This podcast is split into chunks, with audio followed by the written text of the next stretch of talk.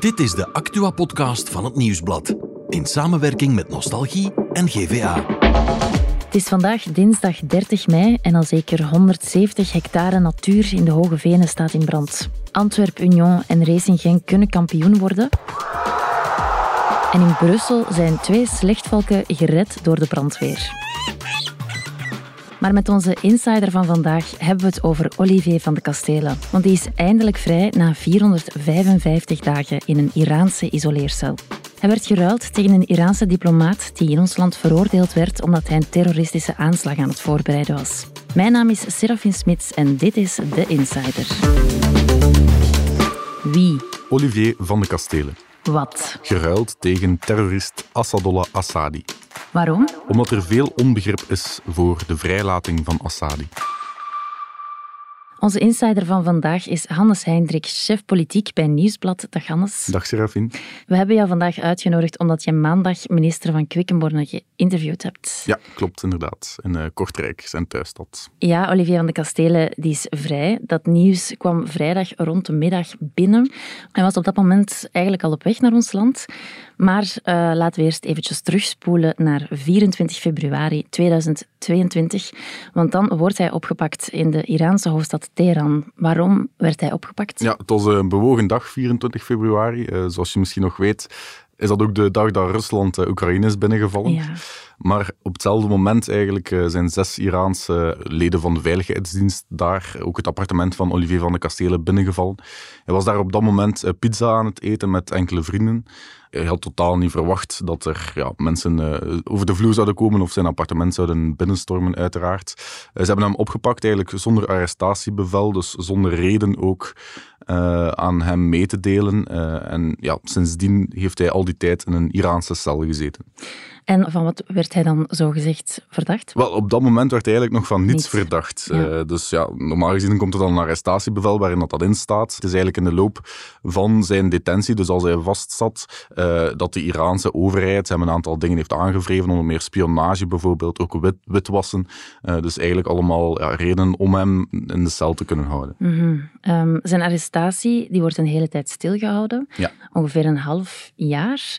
En dat is ook deels op vraag van zijn familie. Maar in de zomer komt die zaak dan toch naar buiten. En wat gebeurt er dan? Ja, inderdaad. Um, dus je moet weten, Olivier van de Kastelen is eigenlijk opgepakt door uh, de Iraniërs, omdat wij hier um, Assadollah Assadi vastgezet hebben. Dus dat is een Iraanse terrorist uh, die voor de Iraanse overheid werkte. Um, die is opgepakt hier in 2018 al. Um, en wat was die hier van plan? Wel, die wou een aanslag plegen in Parijs op een uh, demonstratie van de Iraanse oppositie. Dus hij was daar de spilfiguur in, samen met een aantal medewerkers. Hij werkte zogezegd als diplomaat op, uh, op de ambassade in, in Wenen, maar hij was dus eigenlijk wel gewoon echt een, een, een terrorist. Hij is hier veroordeeld en vastgezet. En je merkt dat uh, Iran sindsdien alles heeft gedaan om Assad proberen vrij te krijgen. Uh, dus ze hebben eerst gewoon druk gezet op ons land. Uh, gevraagd, ja, haal die man uh, gewoon uit de cel. Ja, we zijn uiteraard Ja. de rechtsstaat, dat gaat hier zomaar niet. Mhm. Um, en dan ja, voelde de regering eigenlijk heel snel van oei, Iran die gaat een, een politiek toepassen, een soort gijzelingspolitiek, waarbij ze op zoek gaan naar een Belg die uh, hier misschien wel Ja. redelijk bekend is, om die uh, vast te zetten. En dat is dus wat er gebeurd is met Olivier van de Kastelen. Die is gewoon op een, op een random dag eigenlijk in Iran, toen hij daar terug was om zijn appartement op te zeggen, uh, opgepakt daar. En wist Olivier van de Kastelen dat, dat hij gevaar liep? Uh, eigenlijk had hij het moeten weten. Dat is uh, ook de kritiek die hij zelf soms krijgt. Want er was een negatief reisadvies uh, op dat moment naar Iran. Olivier van de Kastelen heeft dat genegeerd. Hij was voordien al aan het werken in, Ja. in Iran als uh, ja, eigenlijk vrijwilliger bij een uh, organisatie die, die vluchtelingen helpt. Dus ja, hij had daar een, een redelijk hoge positie binnen, Ja. binnen dat vluchtelingennetwerk. En hij was dus teruggegaan naar Iran na de covid-periode. Mhm. Maar ja, bon, dat was natuurlijk wel met een negatief reisadvies. Dus ja, er zijn mensen die zeggen hij had daar helemaal niet moeten zijn. Mhm. Maar ja, Vincent van Quickenborne in het interview uh, met onze krant Ja. uh, zei van ja, als het niet van de kastelen was geweest, dan was het wel iemand, Iemand anders. anders. Om het cru te zeggen, was het hem niet geweest, was iemand anders geweest. Ik bedoel, hij, er zijn meer dan 200 Belgen in Iran. Hè. En Er zijn mensen met dubbele nationaliteit, mensen die werken voor de ambassade. Was hij het niet geweest, was het iemand anders geweest. Dus uh, hetgeen wat we gedaan was het enige juist en het enige mogelijke. de dreiging was er. En dat is gewoon, dat zijn de brute feiten. Doordat we die man hebben opgepakt, die een vermeende diplomaat hebben veroordeeld en in de gevangenis hebben gestoken. Daardoor was er die dreiging. En was het enig geweest, was het iemand anders geweest. Ja. Dat is gewoon realiteit. Het is dus van de kastelen uiteindelijk geworden die daar door Iran werd vastgezet. En dan moest eigenlijk de onderhandeling beginnen tussen ons land en Iran. Ja, klopt. Um, dus Van de Kastelen is, is, is opgepakt daar in februari 2022. En dan is eigenlijk de regering in alle luwte beginnen werken aan een soort uitleveringsverdrag uh, met Iran. Dus om um, Assadi geruild te krijgen uh, voor Olivier van de Kastelen. Dus dat was uh, ja, de, de meest koosjere legale weg die ze op dat moment hebben proberen bewandelen. Maar dus op vraag van de familiemeden is dat wel wat onder de radar gebleven. En waarom? Tot, tot ja, omdat ze um, ja, heel veel vertrouwen hechten aan dat uitleveringsverdrag. En ze dachten, als dat hier naar buiten gaat komen, ja, dan gaat de Iraanse oppositie bijvoorbeeld uh, van zijn oren maken en dan kan dat verdrag uh, in, in, gevaar brengen. En dat is uiteindelijk ook gebeurd? Dat is uiteindelijk ook gebeurd, ja. ja. Dus in de zomer van 2022 dan moest de regering met dat verdrag naar het parlement en zo is die zaak eigenlijk een beetje aan de oppervlakte gekomen. Het parlement heeft dat goedgekeurd, maar zoals uh, ze eigenlijk een beetje verwacht hadden, is de Iraanse oppositie uh, heeft daar verzet tegen aangetekend, uh, waardoor de zaak naar het grondwettelijk hof moest. En het grondwettelijk hof heeft, heeft, daar een tijdje over gedaan. En in december uiteindelijk is dat verdrag geschorst geweest. Dus nog niet vernietigd op dat moment, ja. maar wel geschorst, wat in 99,99% van de gevallen wil zeggen dat die wet er niet doorkomt. En dus dat er op dat moment niet echt veel hoop meer was om Olivier van de Kastelen vrij te krijgen. En vanaf dan moet ons land nadenken over een nieuwe piste. Ja, dat klopt, inderdaad. Het is eigenlijk in december dat ze op het kabinet van minister van Quickenborne, minister van Justitie dan, enkele kabinaars beginnen na te denken van ja, hoe kunnen we hier op een andere legale manier Olivier van de Kastelen vrij krijgen. Mhm. Want ja, dat is wel een groot verschil tussen Iran en ons land. Bij Iran zeggen ze gewoon, ja, uh, haal die Assadi uit de gevangenis, mm stuurt u naar hier en we sturen wij jullie Olivier van de Kastelen. Maar ja, wij leven hier in een rechtsstaat, dat gaat zomaar niet. We kunnen niet zomaar zeggen, hier eh, meneer Assadi, we, we, we schelden uw straf uh, kwijt. Maar ze hebben dus uh, gezocht naar andere pistes en ze hebben die ook gevonden. Ze zijn daarvoor heel ver teruggegaan in de Ja. tijd. Minister van Quickenborne zei me dat hij gebeld had met uh, Mark IJskens en Melchior Wattelet, die Ja. minister waren in de regering in 1991. Amai, dat is... Ja, ik Ja. zelf was nog niet geboren, eh, maar bon. Ik ook niet. Ja, voilà. Eh, dus ik kende de case eh, persoonlijk niet, maar blijkbaar eh, was de regering toen in een, eh, in een soortgelijke situatie dat er een familie werd vastgehouden in Libië. Ehm, en die eh, is dan uiteindelijk geruild geweest, die familie Houtekens, eh, voor een, een Palestijnse terrorist die hier in Antwerpen een Ja. granaataanslag heeft gepleegd. Dus ook toen stond de regering voor dat dilemma en hebben ze een redelijk originele manier moeten uitdenken binnen de grondwet om eh, die familie geruild te krijgen. Dus Oké. dat heeft eigenlijk minister van Quickenborne wel op het pad gezet om een ander eh, grondwetsartikel te gebruiken. Eh, er zijn sommige grondwetspecialisten die zeggen dat het niet echt legaal is wat ze nu gedaan hebben. Er is wel discussie over. Maar bon, uiteindelijk heeft dat wel geleid ehm, tot de vrijlating van Olivier van de Kastelen. Dus de koning heeft een koninklijk besluit getekend ehm, om dat verdrag met Iran nu eh, ja, te bekrachtigen. Dus ja, er is wel een juridische grond voor. Ja, er is dan een akkoord, de ruil kan doorgaan. Eh, en die wordt in het grootste geheim voorbereid. Zelfs zijn familie was eigenlijk niet op de hoogte. Nee. Ehm, hoe reageerden zij toen ze het nieuws hoorden? Wel, ze werden pas op de hoogte gebracht de vrijdagochtend eigenlijk. Eh, om 8.30 uur werden ze verwacht in, in de Wetstraat, Ja. de Lambermond. Dat is de tweede ambtswoning eigenlijk van de premier. Dus daar zijn eerst de zus van Olivier van de Kastelen, Nathalie, en Olivier van Stertegem, zijn beste vriend, eh, toegekomen. Dus eigenlijk een beetje niets vermoedend, want eh, bon, ja, ze komen veel in de Wetstraat eh, Mhm. om updates te krijgen over de toestand van Olivier. Dus ze komen daartoe en ja, alle ministers zijn daar verzameld, of toch iedereen die erbij betrokken was, premier De Croo. Vincent van Quickenborne. En ja, zij delen eigenlijk het, het goede nieuws mee. In die zin het goede nieuws Ja. eh, dat Assadi vertrokken is hier van in Brussel naar Oman. Op dat moment eh, Ja. is eigenlijk Olivier van de Kastelen nog niet toegekomen in Oman. Dus ze moeten wel nog steeds met twee woorden zijn, spreken. Ja. Ja, uiteraard. Als je zo'n uitwisseling doet van mensen, dan, dan weet je het passieke moment dat iedereen daar ter plaatse is. Hè? Wel, we kunnen een aantal mensen nog ter plaatse. Stel dat er iets zo verkeerd gaat. Stel nogmaals, hij komt toe. Er is niemand anders, wat doe je dan? Hè? Dus daarom ook, ja, de familie blijft dan op de Lambermont, dat is de tweede ambtswoning, en de ministers gaan naar het kabinet van de premier om daar de operatie in alle rust en stilte verder te leiden. Maar bon, ja, de familie mocht dan eigenlijk een beetje de voorbereidingen beginnen treffen van uh, wat gaan we allemaal doen als Olivier van de Kastelen toekomt op Melsbroek. Dat moment was voor de familie op de tarmac daar, uh, die iconische beelden als hij uit het vliegtuig stapt. Uh, dus dat heeft de familie dan op dat moment voorbereid. Er komt ook veel kritiek op zijn vrijlating, ook internationaal.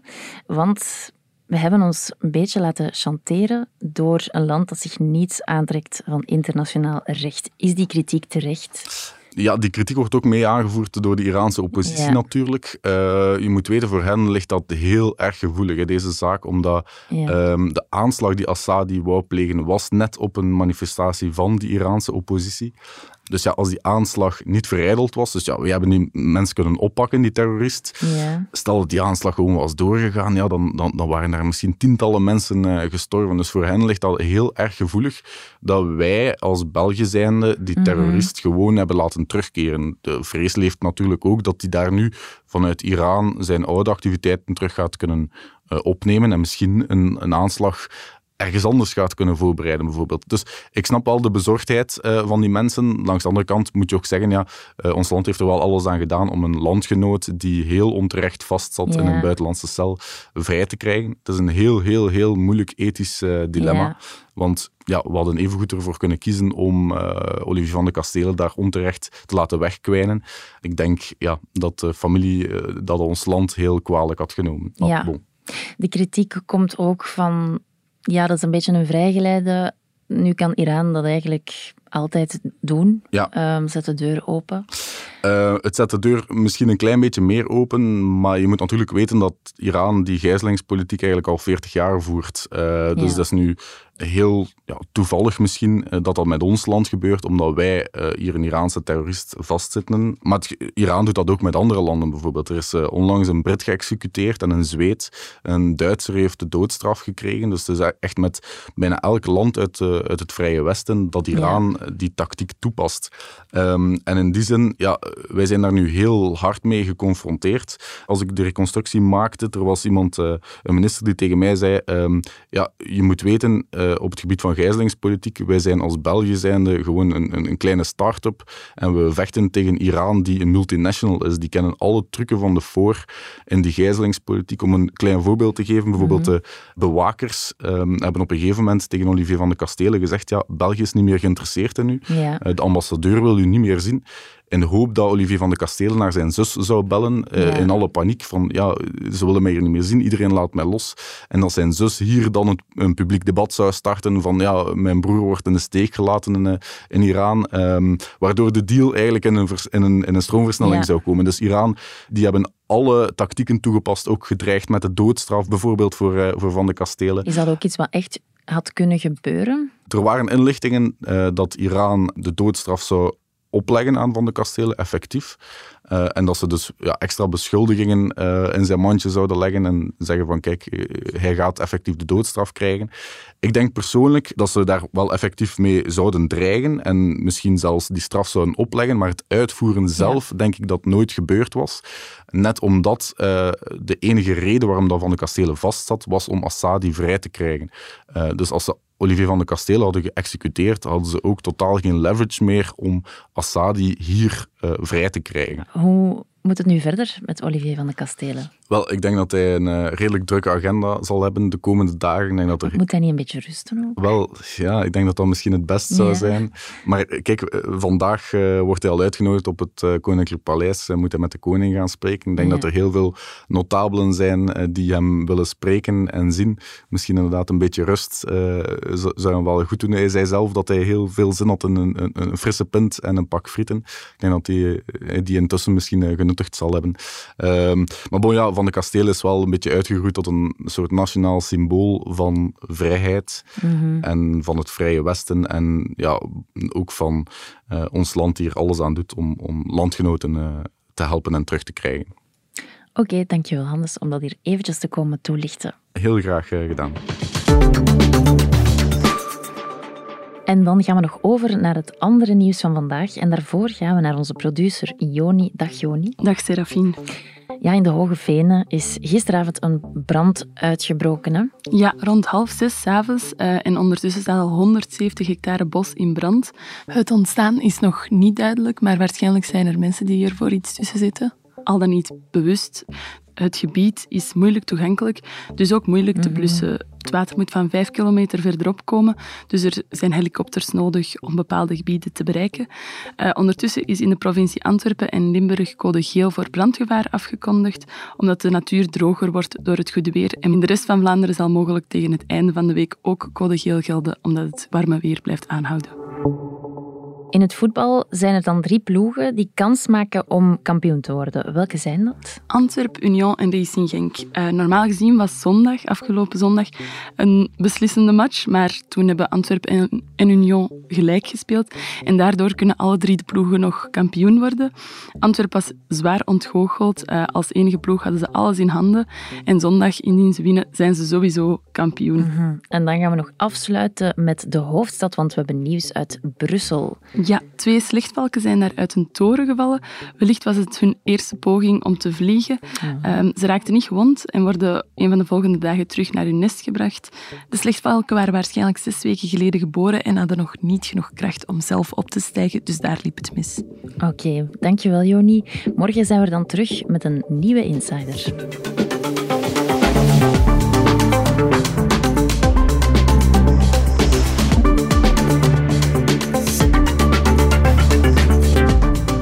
Dit was The Insider, een podcast van het Nieuwsblad in samenwerking met Nostalgie en GVA.